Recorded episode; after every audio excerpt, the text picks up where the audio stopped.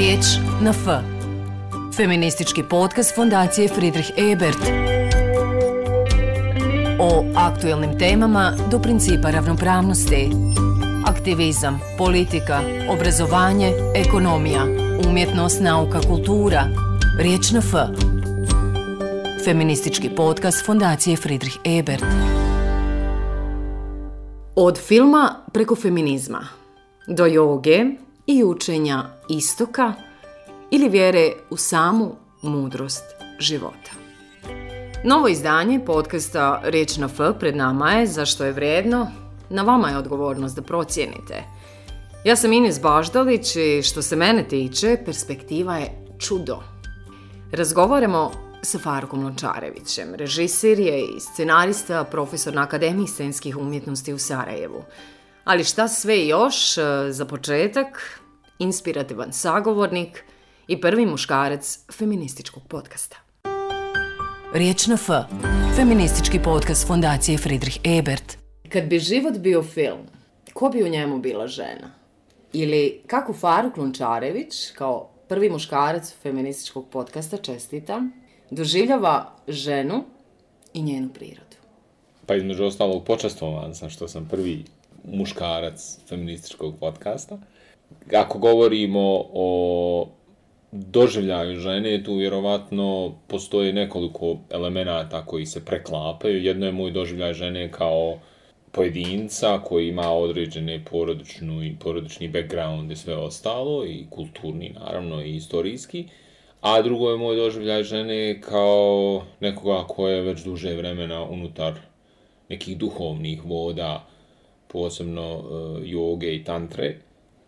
S druge strane, naravno, e, čitava ta ideal, jel, koji je suštinski komunistički ideal, je zapravo pomalo ono daydreaming u smislu da postoje stanovite razlike između muškarca i žene. One nisu samo biološke i fiziološke, one su i mentalne i razlike u nekim drugim aspektima i duhovnosti i osobnosti. Tako da e, je trebalo onda prihvatiti činjenicu da su žene jednostavno drugačije od muškaraca i da kao tako, kao tako drugačije, da su prisiljene da borave u kulturi koja je baždarena prema muškom settingu, ja ne govorim o tradicionalnim kulturama koje su uvijek imale prostor za žene i prostor za muškarce, uvijek je postojala muška kultura i ženska kultura. Mislim da je prilično naivna ta ideja od 2000 godina potlačenosti. Međutim, kultura koja se razvila u posljednjih, recimo, 150 godina, s jedne strane, apsolutnim napretkom u onome što su normirana ženska prava, ali apsolutnim nazadkom u onom što je poštovanje žene kao mistične figure našeg obstojanja je ono što je, što je zapravo zabrinjavajuće i znači postoji nešto što ženu nužno određuje, to nije samo njen spol, to je i njena sposobnost rađanja koju muškarci sve ostalo možda mogu, ali to nemaju. I to će uvijek socijalno određivati, jer ne treba nikad zaboraviti da jedini pravi ekološki problem s kojima ćemo se mi vrlo brzo susresti jeste zapravo depopulacija planete. Da treba razmišljati o tome. Neko će reći da depopulacija planete je fantastična. Ja nisam baš toliko siguran u to, znači to će se desiti za jedno 10 do 20 godina, stanovništvo planete će početi da opada. Ali će početi da opada istom progresijom s kojim je se uspinjalo, jel? Da dođemo, doćemo do tih nekih 8 milijardi, možda 9 i onda će krenuti da pada. I zapravo onda ćemo se susreti sa jednom vrlo banalnom činjenicom našeg biološkog opstanka. E, tako da mislim da, da, da žena nosi u sebi apsolutno za muškarca jednu mističnu njemu nedokučivu energiju, da ono što se izgubilo, nažalost, i što u odgoju muškaraca ne postoji, jeste duboko poštovanje prema ženi. I to ja mislim da je zapravo najgore od sve. To je proces koji je društveno uvjetovan. Apsolutno, ja bih čak rekao i društveno planiran. Danas, odnosno kako govoriti o ženama danas, a ne pomenuti i vaše bivše studentice, sada koleginice, koje su pokrenule i stvorile siguran prostor za žrtve seksualnog nasilja. Taj prostor za sada je na internetu i vidljiv je na Facebook stranici Nisam tražila. No ipak zaustavila bi se sada ovdje i upitala da li se upravo Akademija scenskih umjetnosti u Sarajevu, gdje vi predajete, pojavljuje kao jedan sigurniji prostor. Onaj u kojem se otvaraju tabuji i kritički promišlja i djeluje. I gdje se konačno o ženama može govoriti kao žrtvama seksualne diskriminacije, ali i teških oblika nasilja. Ono što mene posebno uh, to čudi i boli, uh, ne čujemo akademike i rektore, ali čitamo svjedočanstva o traumama i djevojčica, odnosno učenica i studentica. Iako sam ja sam vrlo skeptičan prema internetu i, i socijalnim medijima, oni su očito vrlo važne tribine u današnje vrijeme, tako da mislim da je važno što Akademija scijenskih umjetnosti počela govoriti o tome. Mislim da će ta tišina od strane generalno akademske zajednice biti sve jača i jača i sve zaglušujuća i zaglušujuća. I mislim da je žalosno opet što imamo opet susret sa nedostatkom empatije, sa idejom da takve stvari postoje uopšte i sa tom nekom starom idejom, jel, sama je kriva, sama je tražila i da, mislim, ti, ti neke grozne, užasna opravdanja za neke stvari koje su se evidentno dešavale na univerzitetu. Samo. Na univerzitetima? Na univerzitetima, mislim, širom BiH i širom, ma širom svijeta, mislim da se razumijemo, to je uvijek postojalo. Tu, tu su dvije stvari koje, koje nadam se da će se promijeniti. To je prije svega klima u kojoj se to prešučuje i ne gleda se i ne, ne susretnu se direktno profesori od strane kolega svojih s tim da se zapravo apelira da se to prestane. Znači, čak i ako vidite nekog svog kolegu da je u tome da mu kažete da to nije u redu. Ali, s druge strane, također treba promijeniti kulturu u kojoj žene tako trebaju biti pasivne i da ne govore. I, mislim, što se mene tiče, znači, istog trenutka, kada se bilo šta tako desi, studentice moraju da prekinu to, prežu da presijeku. To je, to je vrlo važno. Naravno, to će tražiti također promjenu kulture. Mislim, to će tražiti promjenu... I odgoja i obrazovanja. Da, i... apsolutno, ali mislim, U praksi je to apsolutno vrlo jasno stavljanje do znanja i podučavanje, prije svega u porodičnom okruženju, ali onda i u svakom drugom, da se to ne toleriše i da niko nema pravo da na taj način zloupotrebljava svoju poziciju. To je vezano za, za koliko su zapravo i muškarci i žene, ali pogotovo muškarci, seksualno neprosvjećeni. Mislim da je najgore od svega zapravo seksualna neprosvjećenost. Postoji jedan aspekt muške seksualnosti koji je predatorski. A to je da muškarac treba da se razmnožava što više da bi trao.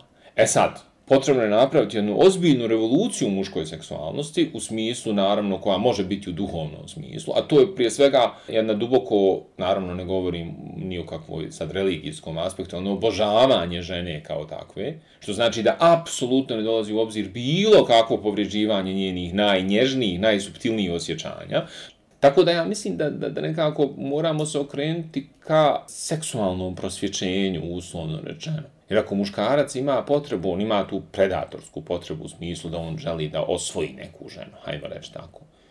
Ali gdje, gdje to nije povezano s empatijom, nije povezano sa ljubavlju, nije povezano sa srcem, nije povezano sa nekim najboljim emocijama koje muškarac može imati, do duše, ali ne možete sada. U savremenom svijetu glavne, najvažnije je da budete uspješni. Najuspješniji ljudi su po definiciji psihopate. Psihopate po definiciji nemaju empatiju. Znate, kad neko pređe određenu količinu novca, više ne mora biti empatičan. Može raditi šta god hoće. Kao što smo imali priliku da vidimo da je serijski groper Joe Biden postao predsjednik najmoćnije sile na svijetu. On je groper, serijski groper. On gropira... Što to znači? Pipa žene. Poznat je potom. Poznat je potom je da je Pipo kogod je stiglo i da su žene kad, je, kad su bili primaries, skakale, pune neko, pokazivale videa, pokazivale dokaze, svjedočanstva i to je sad odjednom sve to nestalo. Što niste vjerovali ženama? Tad. Tu sada dolazimo i do vašeg filma. Mm, na skoro završenom filmskom festivalu u Trstu, film pod nazivom Tako, da ne ostane živa, dobio je specijalnu nagradu. Baziran je na istinitom događaju, Ili zašto je to priča o svima nama danas i ovdje? Ono što smo htjeli da pokažemo u filmu jeste e, linija na kojoj se nalazimo. Ovo što smo sad pominjali, znači tu između to je neke životinske prirode i, i savremenog svijeta u kojem od svega što smo trebali potencirati tradicionalno u živote, jedino što nismo potencirali empatija. Bolje tretiramo životinje, ali pravo loše tretiramo ljude. Sami žene. sebe. I sami sebe, mislim, grozno, znači šta za čovjeka znači da ubije nekoga na taj zaista onako životinski način. da izbriše nekoga, tako da ne odstane živ, da nema nikakvog traga njega. Za njegovu dušu je to kraj. To je naivna pomisao da, eto, on je u zatvor, pa kao, to, to mu je kazna. Nije mu to kazna. Kazna mu je što, što, što ne može čovjek, čovjek samo izbriše vlastito duhovno postojanje u tom trenutku.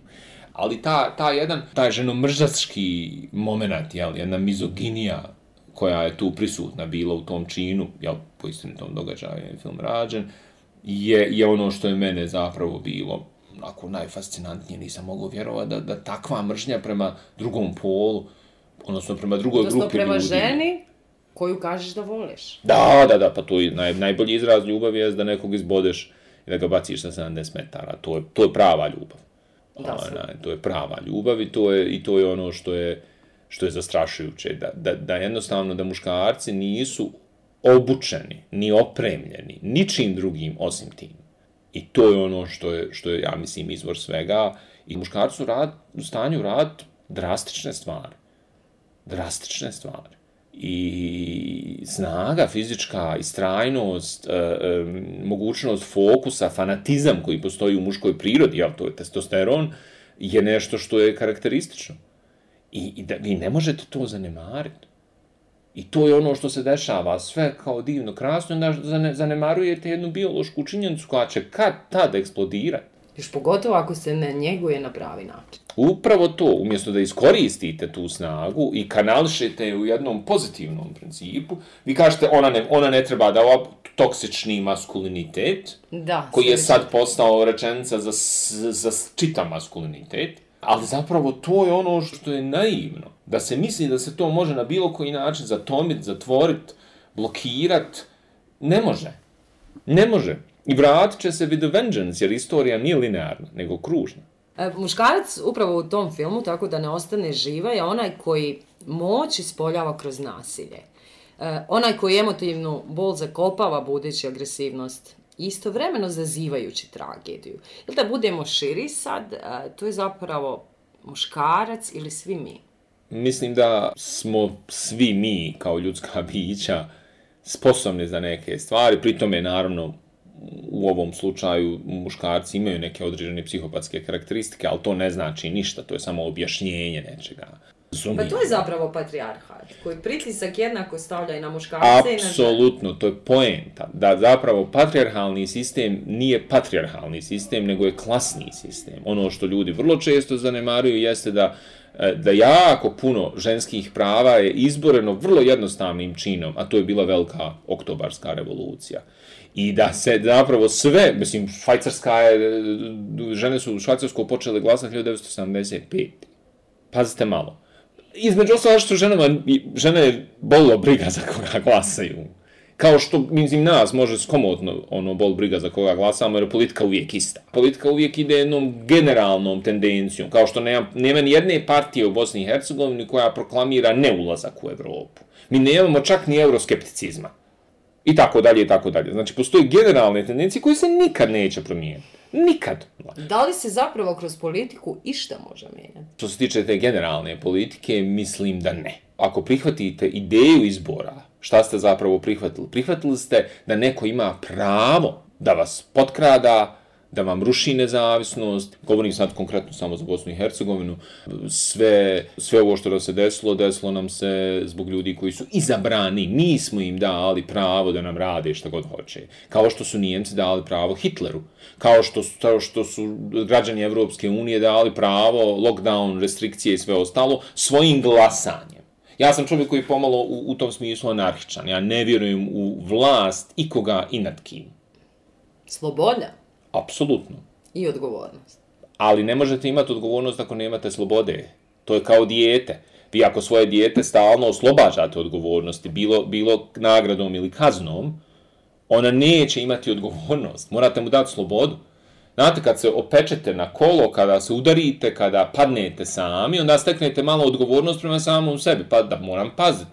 I pri tome to je način da iskusimo vlastiti život ako stalno čekamo kad će na veliki brat, bio u formi Evropske komisije, parlamenta, predsjednika, diktatora, sve jedno je. Ist, ista je to stvar, zato što korporativni ciljevi upravljaju svim. Ako mi čekamo da će nam kažu kako da dišemo, kako da, ako nam čekamo da, da, da, da idemo na edukaciju o seksualnom uznemiravanju, da bi znali šta je seksualno uznemiravanje, znači da smo već potrošeni. Jer, jer ako vi ne razumijete kada je nekom prijatno, a, ne, a kada neprijatno s vama, evo ja govorim kao muškarac, onda ste stvarno izgubljeni. Onda stvarno niste normalni. Bojim se da je 90% ljudi dovedeno u tu situaciju želeći da budu prije svega poslušni. Mislim da ta vrsta konformizma je zapravo ono što nas ruši. I nedostatak odgovornosti. Ali nema odgovornosti zato što ne morate biti odgovorni. Država će vam reći šta da radite. Država će vam reći gomilu gluposti, ali, ali to, će, to će normirati život. Mislim, hoću reći samo, ljudi su vjerovali u svakakve stvari zato što su bile normirane.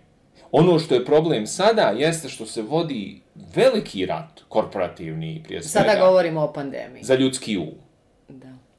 Za ljudski um, šta zapravo to znači? Što veća kontrola ljudskog uma? Imamo li je sada ili zapravo kojim putem ide? Pa dobro, zavisi u kojoj državi živi. Tako da živite u državi koja je potpuna kolonija, kao što je Bosna i Hercegovina, jel? Mm. onda naravno da da. Znači ovdje najveći intelektualci se bore za najmainstream mišljenje moguće.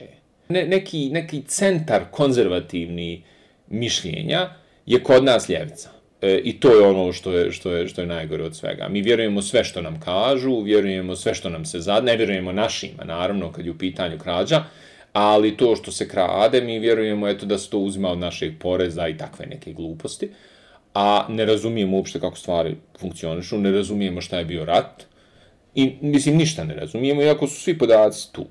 Ja čujem svoje kolege koji predstavljaju jel, intelektualnu elitu ove države, bez ikakve dileme, u smislu da su pročitali ono, malo više od, od, od jedne knjige i čujem apsolutno mainstream mišljenje. Čujem ono što čujem na CNN-u, na, na, na, na tim nekim glupim, ono, lažnim kanalima, jel? I čujem ono što je Naum Chomsky nazvao manufacturing consent. Niko ne postavlja pitanja. I, I to je ono što je najgore od svega. Jer čak i da prihvatite potpuno ono teoriju zavjere o bilo čemu, koju naravno država prije svega iznosi, vi morate postaviti pitanja, aha, ako je to tako, što onda nismo uradili ovo? Ali to pitanje niko ne postavlja. To pitanje niko ne postavlja i svi se klanjaju predstavnicima vlasti, odnosno predstavnicima kriznih štabova, pseud, kriznih štabova jel, koji su zapravo, šta su, oni imaju diktatorske moći da krše ustav, što je naš ustavni sud direktno i rekao u presudi. Da krizni štab ne bi trebao, ali ima Znači, naš ustavni sud je jedini ustavni sud na planeti koji je preporučio kršenje ustava. I gdje, eto gdje živite. A ustav i zakon, to je, to je problem komunizma. Mi ne razumijemo da suverenitet potiče od pojedinca, ne od države. I to, ako kažemo da suverenitet žene kao osobe potiče od nje same, a ne od države, mi smo je već oslobodili. Odnosno, nismo oslobodili, ona jeste slobodna. Međutim, to ne možemo reći. Ne, to niko ne kaže. Mislim, kažu Kamil Palja je ne, neke vrlo napredne feministice koje su feministice zadnjih 50 godina, one govore o tome. Da je suštinski problem kontrole društvene i ideje da suverenitet je nešto što nama država daje. To netačno. Mi dajemo svoj biološki suverenitet državi da bi stvari malo bolje funkcionisale. Ustav ne služi da bi zaštitio državu od ljudi, nego da bi zaštitio ljude od države. I sve neželjene neželjene i otuđeni centri moći, što je bio najveći problem komunizma. To su bili mali otuđeni centri moći. Šef socijalističkog saveza je određivo sve. Tajna policija je mogla raditi šta god oče. Pa je mogla uhapsiti neku ženu koja je poželjna da bi je silovali u zatvor, što se dešavalo. Ako obrnemo, samo kažemo da je ustav i zakon su tu da štite pojedinca od države, unutar onoga što je njegov biološki, fizički i, naravno, svaki drugi suverenitet, onda dobijamo potpuno drugu priču. E, mi ono što se dešava sada imamo jedan generalni medijski konsenzus. I medijski konsenzus je suštinski naj, jer niko od nas ne objavljuje sistematski, nijedan medij ne objavljuje da imamo apsolutno širom Evrope ogromne demonstracije u kojoj su hapšeni stotine ljudi, niko ne govori o tome, samo kad pređe neku granicu, a to se dešava zadnjih godinu dana, to nije od juče. U Hrvatskoj su ljudi izignorisali mjere, otvorili svoje kafane, otvorili svoje radnje. Uhapšili su ljude, naravno. Ali oni su jednostavno ne žele da prihvate to. Ja bih voljela samo kratko vaš stav zapravo po pitanju cijele stvarnosti pandemije. Kao režiser, kao scenarista, na kraju kao čovjek. Odličan je scenarij, ja moram stvarno reći. Ono što sigurno nije tačno, nije tačna službena verzija, ali ja ne bi išao u to. Iz vrlo jednostavnog razloga što je potpuno svejedno. To je suštinska stvar. Apsolutno, posljedice pandemije, kako, kako ih nazivaju mainstream čuvari, ja, gatekeepers, to su posljedice pandemije, ja ih nazovem ciljevi pandemije, su važni. Šta je uzrokovalo to? To je irrelevantno. A šta su ciljevi? Ciljevi pandemije su e, centralizacija moći, e, biološka kontrola, biotehnologija i genetska kontrola, čak i patentiranje gena što neke kompanije već imaju. I to je to je apsolutno bez ikakve dileme. I to zašto, je... zašto o tome zapravo uopće ne čujemo u medijima? E, ne, ne čujemo zato što su mediji dio, dio čitave te stvari. Mediji su Kako jako dobro planirani. Kako je moguće da čovjek živi u tolikom neznanju i u tolikoj želji da ne želi da zna Evo recimo drugu stranu priče. Ono što ja duboko vjerujem, ja vjerujem da, da posebno kod nas, mislim, mi, mi smo irrelevantna jedna tačka u, u čitavom tom mozaiku. Međutim, ja vjerujem stvarno duboko da svi ti ljudi vjeruju u ono što govore. Apsolutno.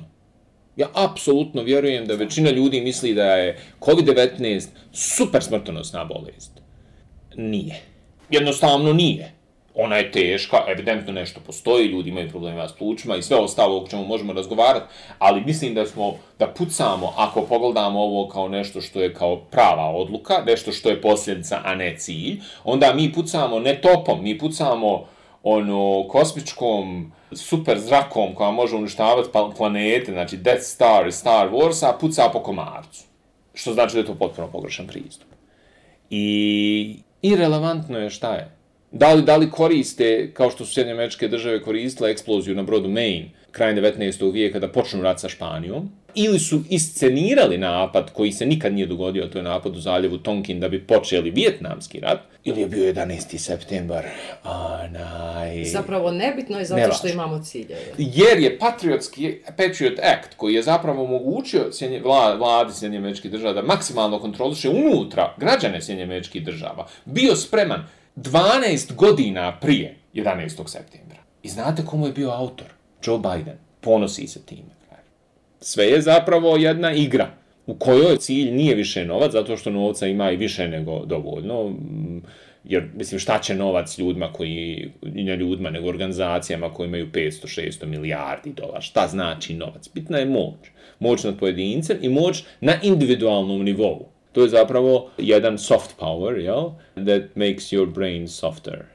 Uh, i, I ono što možemo primijeti je da u filmovima se te stvari opetuju kontinuirano, ta vrsta manipulacije gdje, gdje ljudsko biće ne može više da bude slobodno. Pa ja mislim, je istina, pa. Pa ja mislim da istina, istina je u, u, u jednom uh, duhovnom okretanju ka duhovnosti, okretanju ka unutrašnjem principu bića, ja mislim. Mislim da je, da je suština i feminizma okretanje ka suštinskom principu ženskog bića i, i vraćanje ženskog aspekta našoj civilizaciji, ako je možemo nazvati uopšte civilizacijom, onaj, ali zapravo, zapravo vraćanje kao onome što je više, na, više bazirano na principu ravnoteže i održanja, nego na principu rasta i pobjede i triumfa i takvih nekih gluposti. U stvarnom životu nema triumfa, to je naivna ideja. Svako ko triumfira je potencijalno psihopata.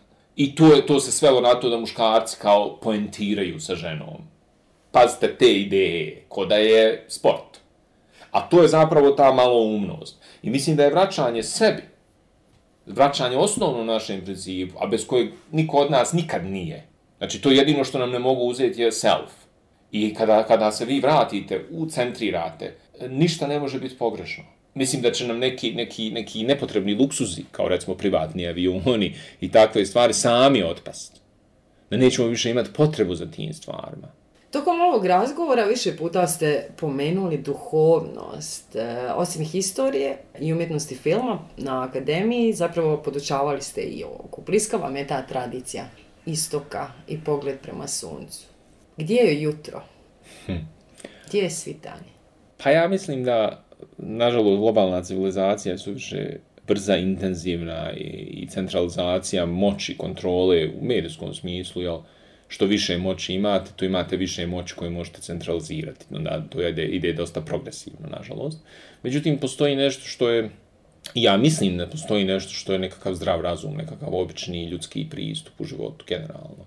I mislim da je yoga nam sada u današnje dobu omogućava da zadržimo taj normalni pristup stvarima. Ono, znam da zvuči čudno, norma, normalna, ali zapravo ljudski pristup stvarima. Da jednostavno nisu sve stvari fiksne, ne možete odrediti zakonima sve, šta više vrlo malo, e, možete razriješiti ekonomiju, odnose, to, ali privatni zakon je uvijek problematičan odnos, jel, porotečni zakon i takve stvari.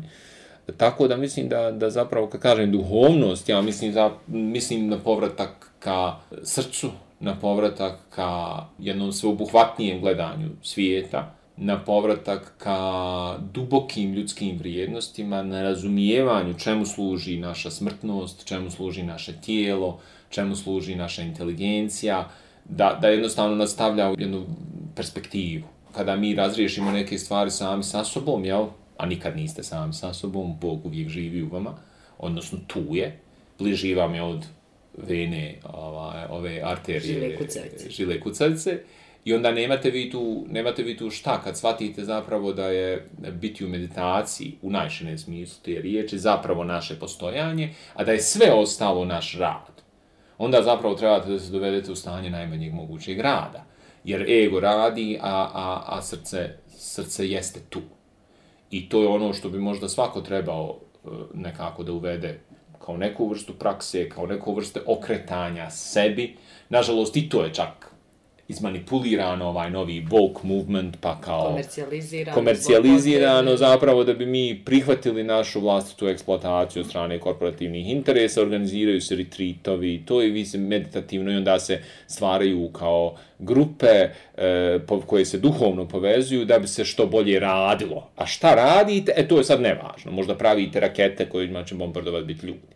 Ako da, da, da postoje neki ljudi kao što je Buda ili, ili koji su jasno normirali šta, šta zapravo, o čemu se zapravo radi i da, i da povratak ka jednom fokusu, da se osjećate prisutni tu i sad, je zapravo ono suštinska stvar i da onda razriješite kao ličnost sve moguće dileme i, i da eliminirate svu moguću prljavštinu. I to je onda bi došlo do onoga što o čemu je John Lennon govorio, šta bi bilo kad bi zakazali rat i niko se ne pojavi. E to je suštinska stvar. I onda nema ratova, onda nema eksploatacije, jer su ljudi svjesni. Aha, pa ne želim to da radim. Ja duboko vjerujem da postoji apsolutna istina. Ja duboko vjerujem da postoji istina o ljudskom biću i da onda ubijstva ili i ne daj Bože ubijstvo ono žene koju kažeš da voliš, ne dolazi u obzir jer nije ti u dijapazonu. I to je ono šta raditi.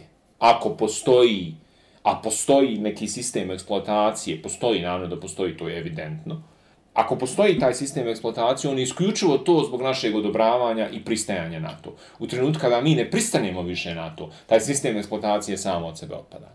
I možda oni koji eksploatišu, će prestati da eksploatišu. Jer neće imat koga više. Buđenje ljudi, svatanje ljudi koliko zapravo duhovne snage mi imamo, samim time sve ostale, je zapravo kraj tog sistema eksploatacije, lažnih autoriteta, imaginarne hijerarhije. I dominacije uma nad srcem. Pa uopšte potrebe za dominacijom. E, to je ono što je problem. Doživljaj. Ljudi se doživljavaju kao crnci, kao bijelci, kao žene, kao muškarci, ali to je samo naš doživljaj. Ali i dalje smo, možemo osjetiti empatiju čistu kad smo s drugim ljudskim bićem. I evidentno, a lockdown je to drastično pokazao, imamo suštinsku potrebu za tim. Izgaramo za tim. To je ta žudnja. E, Rumi je govorio da je žudnja za dragim ili dragom zapravo žudnja za Bogom. Najreligiozniji ljudi su oni koji su uspjeli shvatiti da zapravo mi sve vrijeme žudimo za tim nekim jedinstvom. Ne moram ga nazvati Bogom, nije ni važno. Upravo zato što ovakva znanja postoje, upravo zato što se ovakva znanja sve više i više šire, znači najgori period u razvoju čovječanstva je uvijek onaj sa najviše duhovnih škola. Jer to znači da nešto nije u redu. Religija se pojavljuje kad se otuđimo. I upravo zato taj stisak korporativno, ne znam nija kakvih interesa, centralističkih interesa, je postao sve jači i jači. Znači, ja bih voljela da damo prostor tom pojedincu kojem se sad obraćamo, kako da dođe zapravo do sebe? A da ne upadne u moment e, neke korporacijske, lažne škole. Eh, to Kako je... da se poveže sa sobom? Sloboda nije jednostavna. Najbolji način meditacije je ne meditacija. Znači, fokusiranje u, na sredinu grudi, fokusiranje u sredinu srca, naravno fokusiranje na naše duhovno srce, jel, je, je zapravo vraćanje centriranja, ako hoćete tako. I to sigurno pomaže. Sigurno pomaže oslobađanju stresa i onda, jel, e, sad, nije dovoljno. Poenta je u tome da morate da na osnovu toga počnete da učite. Da učite stvari o sebi.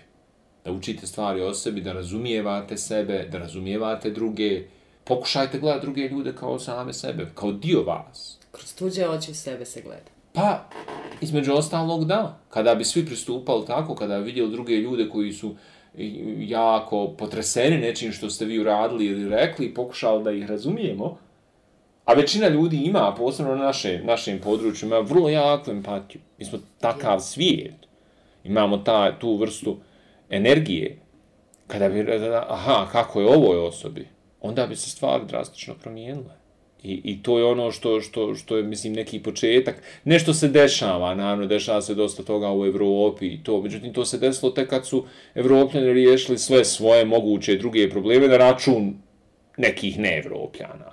Bilo Indijaca, bilo Bliskog istoka, bilo Afrike, pogotovo, je kad su se dobro nabogatili i to, e, sad ćemo mi nešto duhovno, zapravo, e, želeći da operu vlastitu prljavu savjest. Ne treba zaboraviti da je Radovan Karadž bio iscijeljitelj zadnjih ono 15 godina na slobodi. Mislim, to je, to je ta vrsta jedne, jedne, jedne potpune, potpunog doublinga, jedne potpune mm, mahnitosti, ja bi čak rekao i moralne insanity. Jer, jer zašto to nije bio odmah? Spomenuli ste Johna Lennona. U jednom trenutku ja bih voljela da s njim i završimo s jednom rečenicom koja je lično mene dugo pratila, a došla je od vas sve će biti dobro, ako nije dobro, onda nije kraj. Apokrifna je rečenica, ne zna se tačno odakle dolazi.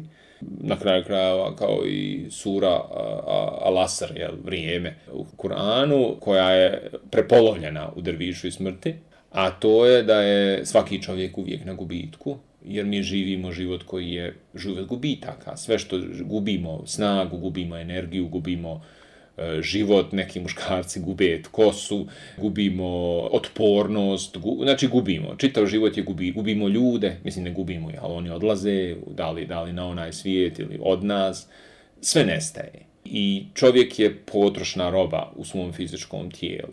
I u Kur'anu se onda kaže, osim ako ne čini dobra djela, ne proporučuje drugima da čine dobra djela i str preporučuje strpljenje.